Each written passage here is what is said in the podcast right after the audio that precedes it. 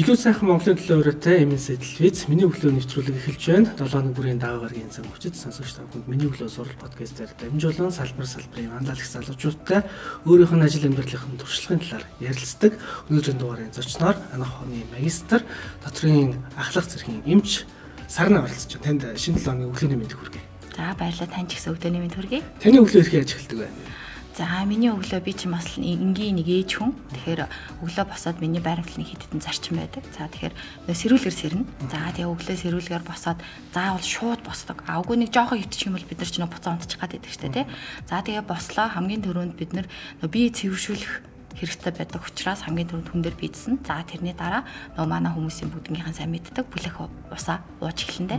За тэгэл хүүхдүүдийнхээ хоолундыг хийж эхэлнэ. Өдрийн ажлаа юун дээр төлөвлөдөг вэ? Гар утасныхаа ухаалаг аппликейшн ашиглаж гин үү? Эсвэл тэмдэглэлийн системээр бичиж тэмдэглэж дагдсан байгаа юу? Ямар арга барилтай нөхлөгийн ажлын 7 өнөр өдрөө төлөвлөсөн шүү дээ тийм. Ер нь бол толгойд толгойд нь доо илүүтэйгээр за маргааш тийм тийм юм төлөвлөндөө за юм юм хийндээ хальсал тэрийг хийсэн тийггүй гэл унтахаас өмнө бүгднийг яг л бодолж ин там болгочвол хэрэгтэй юмнууд нөө бэлтжээд унтдаг болохоор өглөө айгу амар бас босдог. Тэгээд дотрын алах зэргийн эмч гэж танилцууллаа. Монголчуудын хувьд одоо энэ дотрийн тал дээр зүрх судас эрүүл мэндийн нөхцөл байдлын тал дээр бол ерөнхийдөө их үзүүлж харуулж анхаарал хандуулдаг нэг гадна талын нүдэнд ил харагдах үзэл хүсэл төрөлхөө анхаарлаа хандуулж эмч домчоор явж байгаа зүйл бол ажиглагддаг шүү дээ. Тэгэхээр яг дотор эрхтний тогтолцооны талаар та монголчуудын өнөөгийн нөхцөл байдалд бид нэр ямар одоо төвшөнд байна гэдгийг саяулаас эрүүл мэндийн шалтгаан нөхцөлийг яриад тэгээ дараа нь сүндсэн агуулгаар гараа яваа гэж бодож байна. За ер нь бол халдвар бус өвчний чиглэлээр манай Монгол улс маань өвчлөл болон одоо нас оролтын түвшингээр айгу дээгүүр явдаг. За тэр дундаа одоо хавдрын асуудлууд, зүрх судасны өвчин эмгэггүй, за сахар буюу дотоо шүрлийн эмгэггүй тийм ээ. За эдгээр эмгэгүүд маань одоо дэлхийд дахин маань дээрэс нь манай монголчуудад маш их юм өндөр тэргүүлэх зэргийн өвчин бол нас оролтын шалтгаанууд болж байгаа. Тэгэхээр таны ажил мэргэжлийн бусдаас ялгарх онцлог ажилтаа хамт харга барил нь юу вэ? Одоо голны баримтлаг зарчим байна л да. Орж ирсэн хүн болгоныг бүтэн үзэж тий бүтэн асуумж авч зүгээр за энэ хүний нэг арай нэг хурд үүдчээ гэдэг ч юм уу тий болж бол хүн болгон дээр илүү төвлөрч тий хүн болгонтой яг л одоо эхнээс нь ахуулаад дуустал нь үзлэг зөвлөгөөгөө одоо л гэж хичээж ажилладаг. Тэгэхээр өвчнөдөө ярилцахад манайхан хэр нээлттэй биеийнхээ зөв шаналлуудыг хилж байна. Тэгээд тэргүүлэх гол өвчлөлт ямар ямар өвчл багтаж байна. Аа. Гайгүй шүү. Манай монголчууд юм аа ерөнхийдөө бол нилээ ингээд асуугаад тий. За ингээд аягүй сайхан дэлгэрэнгүй ер нь бол ярьж өгдөг, хэлэх дуртай байдаг. Мэдээж л өвдөж байгаа юм чинь. Хаагт нэг онцлог нэмэгдүүчтэй арай илүү ирэх юм да. Тэрчүүд ер нь бол өөрийнхөө эрүүл мэндэд хандтаа жоохон хойрог байдаг. Өөрөөсөө нөө манай монголчууд өглөө гэл ирдэг ирчүүд бол их байна штэ тий. Аа тэргүүлэх өвчин яг Монгол улсын хувьд гэх юм бол зүрх судас болон амьсгалын зам хавдрын одоо өвчнүүд хамгийн их нас оролт бол өвчлийн хувьд бол тэргүүлэх шалтгаан болж байгаа. Энэ өглөө үзэж байгаа сонсогчдод голчлоо 18-аас 22 насны залуучууд төлхөө 50% сонсож байгаа. Эдгээр насны залуучууд нь ядарна гэдгийг бол мэдэхгүй насн дээр явж байгаа. Тэгээ ямар нэгэн байдлаар толгойн өвдөгчээд юм уу өвчний ямар нэгэн шин шимтгэлэрсэн тохиолдолд мэрэгжлийн эмч зөвлөгөө авахаас илүүтэй л зүгээр нэг толгойн юм ханид юм халан буурлах юм өвчин амдах юм уусаар явсараа таны хэлснээр жинхэнэ яхаар босооргүй болсон цагтаа л нэмж танддаг ингэсээс цаг хугацаа алддаг юм тохиолдлууд байна л та. Нөгөө талд бид нөгөө тэргүүлэх шалтгаан гэдэг дээр дотор зүрх судасны өвчлөл гэхээсээ илүүтэй бидний нийгэм цаг үе стресс талаас шалтгаалаад монголчууд их ядаргаанд их орж ийн мэдрэлийн ядаргаанд орж ийн тийм энэ ядаргааг мэдээж нойр хоол амин дэм их олон зүйлийг л эмч мэрэгчлэн зөвлөж байгаа л да тайп 2-ын ширээн дээр одоо энэ сарамсны тариас байна. Тэгээ энэ тамирчны царайнаас хүний эрүүл мэндэд зөвлөх нөлөөллийн талаар яриагаа үргэлжлүүлж явъя гэж бодож байна. Аа за. Ер нь бол ядрах процесс тий. Хүмүүлгэл бид нар ядардаг штэ тий. Ядарна гэдэг маань өөрөө одоо стресс үзүүлэх бидний энгийн физиологийн хариу урвал. Өөрөөр хэлбэл хүн болгоно л ядрах гэж процесс байдаг. А зүгээр ядаргаа маань дотроо энгийн буюу богино хугацаатай тийм ээ. Халаас л архаг ядраа гэж байдаг.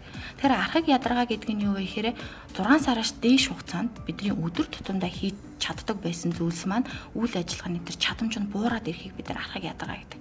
А тэгээ энэ архаг ядаргаа үргэлжлээд ирэхээр өө нөгөө зүрх судасны өвчин, нөгөө сахар, за нөгөө амьсгалын замын өвчнүүд гэдэг юм уу те. За тодорхой хэмжээнээс хавдар тентэр нөлөөлөд ирдэг. Эдгээр өвчний суур маань өөрөө энэ ядаргаанаас үүдэлтэй байдаг байна шүү дээ те. Тэгэхээр ядаргаанд 18-аас 20 хэд насны хүмүүс өртдөггүй ш өртдөггүй. Зүгээр тэрийг тоодохгүй. Би залуу хүн юм чинь би тэрийг аваад гарчнаа. Би залуу хүн юм чинь зүгээрээ гэдэг те. Ингээд залуудаа нөгөө ядаргаагаа тоохгүй явсаар хагаад а нас ахаад ирэхээр те өвчнүүд маань ирээд тэгдэлтэй тэтгэврт гарсан ч өвдөд эхэллээ тэтгэврт гарснаас хойш тэр өвдөд эхэлсэн гэдэг. Тэр чинь тийм биш ээ. Бид нар залуудаа өөрсдийнхөө эрүүл мэндэд анхаараагүй улмаас энэ ядаргаа гэж процесс үүсдэг. За тэгэхээр ядаргаа маань өөрөө маш олон шинж тэмдгээр илэрдэг. За дээрэс нь оюуны болон биеийн гэж байдаг. За оюуны ядаргаа гэдэг нь болохоор бидний анхаарал төвлөрөл муудаад байх нь тий. Юмаа мартаж санаад байдаг байх нь. Залуу хүмүүс ч гэсэн тэгдэг үстэй тий. Ялангуяа энэ ковидын дараа өө мэдхгүй юу хаана юугаа тайснаа мэдгүй байлаа дээр мартчихад байна тий. За дээрэс нь ажиллаа хийх гэсэн чи дургу байгаад байна тийм ээ халаасаа нөгөө авдаг гой кайф ч байхгүй болчиход байна тий. А биеийн ядаргаа гэдэг нь болохоор бидний нөгөө булчингаараа хийдэг энэ хөдөлгөөнүүд маань аюу хүндрэлтэй болоод ирдэг. Зүгээр ганцхан давхар гарахад л булчин цуцаад байдаг тий. Аяхта цайгаа уу гэхээр нөгөө аяхта цай маань хүртэл хүнд оргиод байдаг. Энэ маань булчингийн ядаргаа. Гэхдээ ингээ ядаргаа оюуны бие ингэж тус тустай явахаас илүү хавсарч явагдах нь илүү одоо илбэг байдаг байх нь тий. За тэгвэл энэ ядаргаа маань бас үе шаттай байдаг юм байна. За нэгдүгээр шатандаа гэх юм бол бид нар хийж чадж байгаа одоо өдөр тутамдаа хийдэг үйл ажиллагааны маань 50% айгу хүндрэлтэй болчихдээ. Өглөө босоод ирэхэд нэг гоо цоглог сэрдэг. Аа ажлыг даалаад үгүй хийгээд үгүй гэж сэрдэг те. А гэтэл өдөөс хойш болоод ирэнгүүт нь кофе хаана нөгөө сэргээ шаана тий ажил хийж чадахгүй байна унтмаар байна хөвтмээр байна гэдэг алдаг. Энэ болохоор нэгдүгээр үе шат гэдэг юм байна. Хоёрдугаар үе шатанд нь болохоор өглөөгөр харцангуй гайгүй сэрдэг ч гэсэн үд дундаас эхлээд тамирдаад ядраад өнөө ажлынхандаа нөгөө нэг аашт болчдөг тий. Нөгөө хин чин муухай ааштай болчихжээ. Нөгөө хин чин буруу үлэн дээрээ сэрчижээ гэдэг тий. Хөрхи тэр маань магадгүй ядраад ээж бас болно шүү тий. За дээрэс нь энэ үеэс эхлээд эртэн тогтолцоо нөлөөлж ирдэг. Шалтгаан тодорхойгүй ходоод өвдөх байд юм уу, гүйлэх байд юм уу, ойр ойрхон шээх байд юм уу тий. За тэгээ нойрны ямарлууд гарч ирдэг унтмаар байдаг. Бүр байн унтмаар санагдана. Ажил дээрээ ч унтмаар, гэртээ ч унтмаар, нөө машин автобусанд унаанд ч унтмаар тэгэл унтаад байдаг. А 3 дахь үе шатанда гэхээр нойр хүрээд байгаа боловч унтаж чадахгүй. Санаа сэтгэл байнгын тогтургүй тий. За дээрэс нь хоол боловсруулах замын талаас нөгөө хотод бүтгэн нэмэгдээд байх нь тий. За дээрэс нь зүрх дэлсээд байна. Нөгөө энэ тэнд одоо ингээд санамсргүй хүмүүс юм унгаангу тэрэн дээр маш их цочромтгой болоод байх нь. Ийм тайван бус байдууд үргэлжилдэг. За ингэсэн байгаа тохиолдолд бид нар яаж эмчлэх вэ гэдэг асуудал гарч ирнэ тий. Тэгэхээр өнөөдөр бид ярих гэж байгаатай одоо одоо ийм одоо том архаг ядаргаа тий удчихсан архаг ядаргааг бид нар яаж имжлэх вэ гэхээр бэлтгэлээр имжлэх шаардлага гардаг. А гэхдээ амьдралын зөв хэм маягийг ердөөсөө мартаж болохгүй. Нөгөө 6-аас 8 цаг унтах хэрэгтэй байх нь тий зөв зохистой хоол унд идэх хэрэгтэй байх нь алкоголын төрлийн зүйлс хэрэглэхгүй байх нь тий зайлгын одоо шинэ жил болж штэ тий гэдгийг хэрэглэхгүй байх нь штэ. За тэгээд дараагийнх нь юу гэхээр бид нар тогтмол тасгал хөдөлгөөн хийж явах хэрэгтэй ёстой юм байна тий жишээлбэл сард нэг удаа заалах шээ тий. 7 хоногт 2-оос 3 удаа байдаг юм эсвэл өдөр болгон баг багаар байдаг юм тий. Дэлхийн эрүүл мэндийн байгууллагаас зөвлөмжөөр хоногт нэг 100000 алхаж явах хэрэгтэй байдаг юм. Бид нар ч одоо бүгд нэг смартфонтой штэ тий. Тэр тэр утсан дээр л ингээл харахад аа өдөрт хэд алхсан бэ? Жишээлбэл бидний нөө эмнэлгийн ажилтаа хүмүүс ингээл харахаар нэг 5000 Аа ингээд тасаг хоорондоо яваад ирэхээр нэг 10 метр болоо явчихдаг. Тэгэхээр нөө тасгал хөдөлгөөнх нэг чухал шүү. За тэгээ нөгөө архаг ядаргааг бид нар эмчлэх нэг том юм нь болохоор энэ BBS ингээд ийм сарамсны тарилга байгаад байгаа тийм. Энэ маань тарилгын хэлбэрээр маш өндөр үр дүнтэй бидний бие шингэт юм байна. Ийм тарилгыг бас хэрэгжилж болно.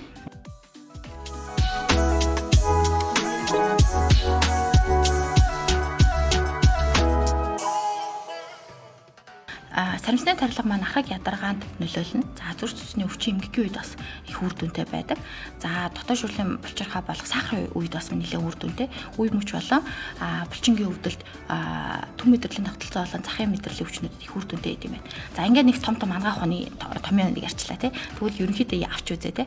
Ахыг ядаргаа нь яаж нөлөөлдөг вэ гэхээр ядаргаа гэдэг маань өөрөө гурван үндсэн одоо шалтгаанаар үүсдэг юм байна. За нэгдүгээр бид нар нэг заал авсны дараа аль эсвэл нэг тасгал хөдөлгөөн хийсний дараа нэг булчингаар өвддөг дөө. Булчин өвдөд маргааш нь хүндүрлээд цуцаж ядраад нөгөө юм хий гэхээр өвдөд байдаг тийм. Энэ маань яд булчингийн ядаргаа үүссэн байгаа штэ. Яагаад тэгэхээр тэнцээ лактат гэдэг бодис соримтлагтаад байд юм байна. Тэр бодис нь сүний өвчл ахгүй юу? Тэр нь булчин өвдгөөд нөгөө бидний ингээд сольтол гэж үүсгээд байдаг. За тэгвэл BBS тарилгыг хэрэглэхээр тэр бодисыг байхгүй болгочдөг, саармагжуулцдаг, үүсэлтийг бууруулцдаг. За нөгөө талаас бид нар өдөр тутамдаа хөдөлгөөнд бол биднэрт юу хэрэгтэй вэ гэхээр энерги хэрэгтэй. Бид нар тэрийг хоол хүнснээс авдаг тий шимт ижээлээр авдаг. А тэгвэл тэр атафе гэдэг бодис нь эсийн түвшиндөө байж иж үүсжиж, нийлэгджиж бидний тэр эдис эд эрэхтэн ч ажилтдаг юм байна. А тэгвэл BBS харимсны тарилга маань ядаргааны үед багасаад байгаа тэр атафиг өөхөрх нэмэгдүүлээд өчлөө. Тэнгүүд энергитэй бид нар хийх эрч хүчтэй болчтой. За дээрэс нь аж аргалын даавар гэж бид нар бүгд айгүй мэддэг те сонсч ирсэн те. Тэгэхээр тэр допамин гэдэг дааврын ялгаралтыг энэ бие самсын тарилга нэмэгдүүлээд өгдөг. А хүн бас яагаад ядардаг вэ гэхээр дургу зүйлээ хийгээд байвал.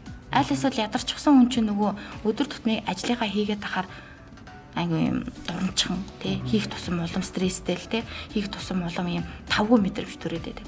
Тэгвэл бидний тарих гэдэг маань дуртай зүйлээ хийгээд кайфтай зүйлээ хийгээд ахмал тэр допамин ялгараад улам цаашаа ингээд ялалт амжилт хийх бүтээмжтэй ажиллах юм нөхцөл бүрдээд байдаг. Тэгвэл BB сарвисны тарилга маань допамины ялгарлтыг нэмэгдүүлээд өчгөр бид нар нөө кайфгүйс ажилламаа ажиллаа илүү өндөр үр дүнтэй өндөр бүтээмжтэй хийгээд тэрнээсээ бас дээрэс нь одоо таашаал аваад эхэлдэг юм. Тэгэхээр би сарамсны тарилга маань ийм байдлаар ядаргааны эсрэг нөлөөлдөг. Гişнэний хэрэгжилж нэг курс имжлэх болох бай. Аха яг нөгөө өвчин эмгэгээс хамаарна гэсэн шүү дээ тий. Тэгэхээр дунджаар нэгээс хоёр ампулаар а өдөрт юм уу өнжөөд хийдэг. За тэгээд нэгээс гурван хайрцаг нь өөрөө нэг курс имжлэх болдог. Хориглох заалт буюу ямар одоо ямар нэг сарвисны харилцаач гэдэг юм уу тий яг зөв хүн болгон бас хийлгэж болохгүй шүү дээ. Энд чинь өөрөө бас бэлмэл агаад байгаа тий. Тэгэхээр сарамсны харшилтаа болон одоо энэ одоо сарамсны тарилганд орсон туслах бодисод харшилтаа байх юм бол хийлгэж болохгүй. Бусдаар бол бүх хүмүүс хийлгэх боломжтой. Заавал одоо настаас ярьлаа шүү дээ. 18 22 гэлтгүүгээр заавал ядаргаа чинь нэг тийм сэтгүүрт гарсан хүмүүсийн арх ядаргаа гэдэг ярилтгүй шууд тасаа ядаргааг нэг ах нэг дөрөв сая дөрөв 3 4 гэл нэлээ ярьлаа шүү. Тэгээ болсон чи би өөрөө ч бас ядаргаанд орсон юм шиг шиш тэмдэг илэрчлээ таны ярианаас ингээд сонсон чинь нэрэл нойр өгөхгүй болжаал тий ажилласаа халшраал өмнө нь ковидын өмнө байсан их ч унтсан юм шиг тий тиймэрхүү нөхцөл байдлыг саний ярианаас би сонсож олж харлаа хаа гадуур ер нь хаавар ямар ямар юм сангуудаар худалдаалагдаж байгаа вэ? Ерөнхийдөө бол бүх хэмээ сангуудаар худалдаалагдж байгаа. А энэ дэр бас нэг би нэг онцолж хэлмээр нэг зүйл байна л та.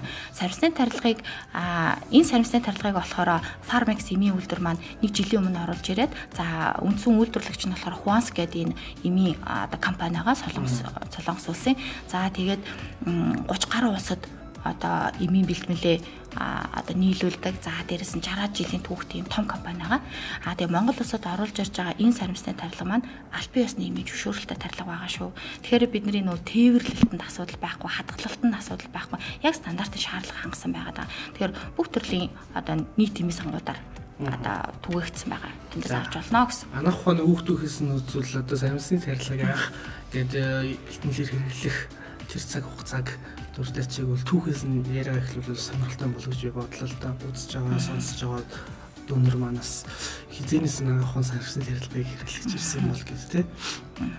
Зөв зөв. Сарамсны тарилга маань одоо бараг хэрэглэгдээд 70 80 жил болж байна. 1950-аад оноос хойш хамгийн анх одоо Японы Кёто их сургуулийн эрдэмтэн профессор болох Мотомори Фуживара эрдэмтэн энийг нээж илрүүлсэн байдаг юм байна. Ердөөсөө сарамсны болцоонд байсан бодисыг л бид нар ийм одоо тарилга хэлбэр шилжүүлсэн л гэсэн үг.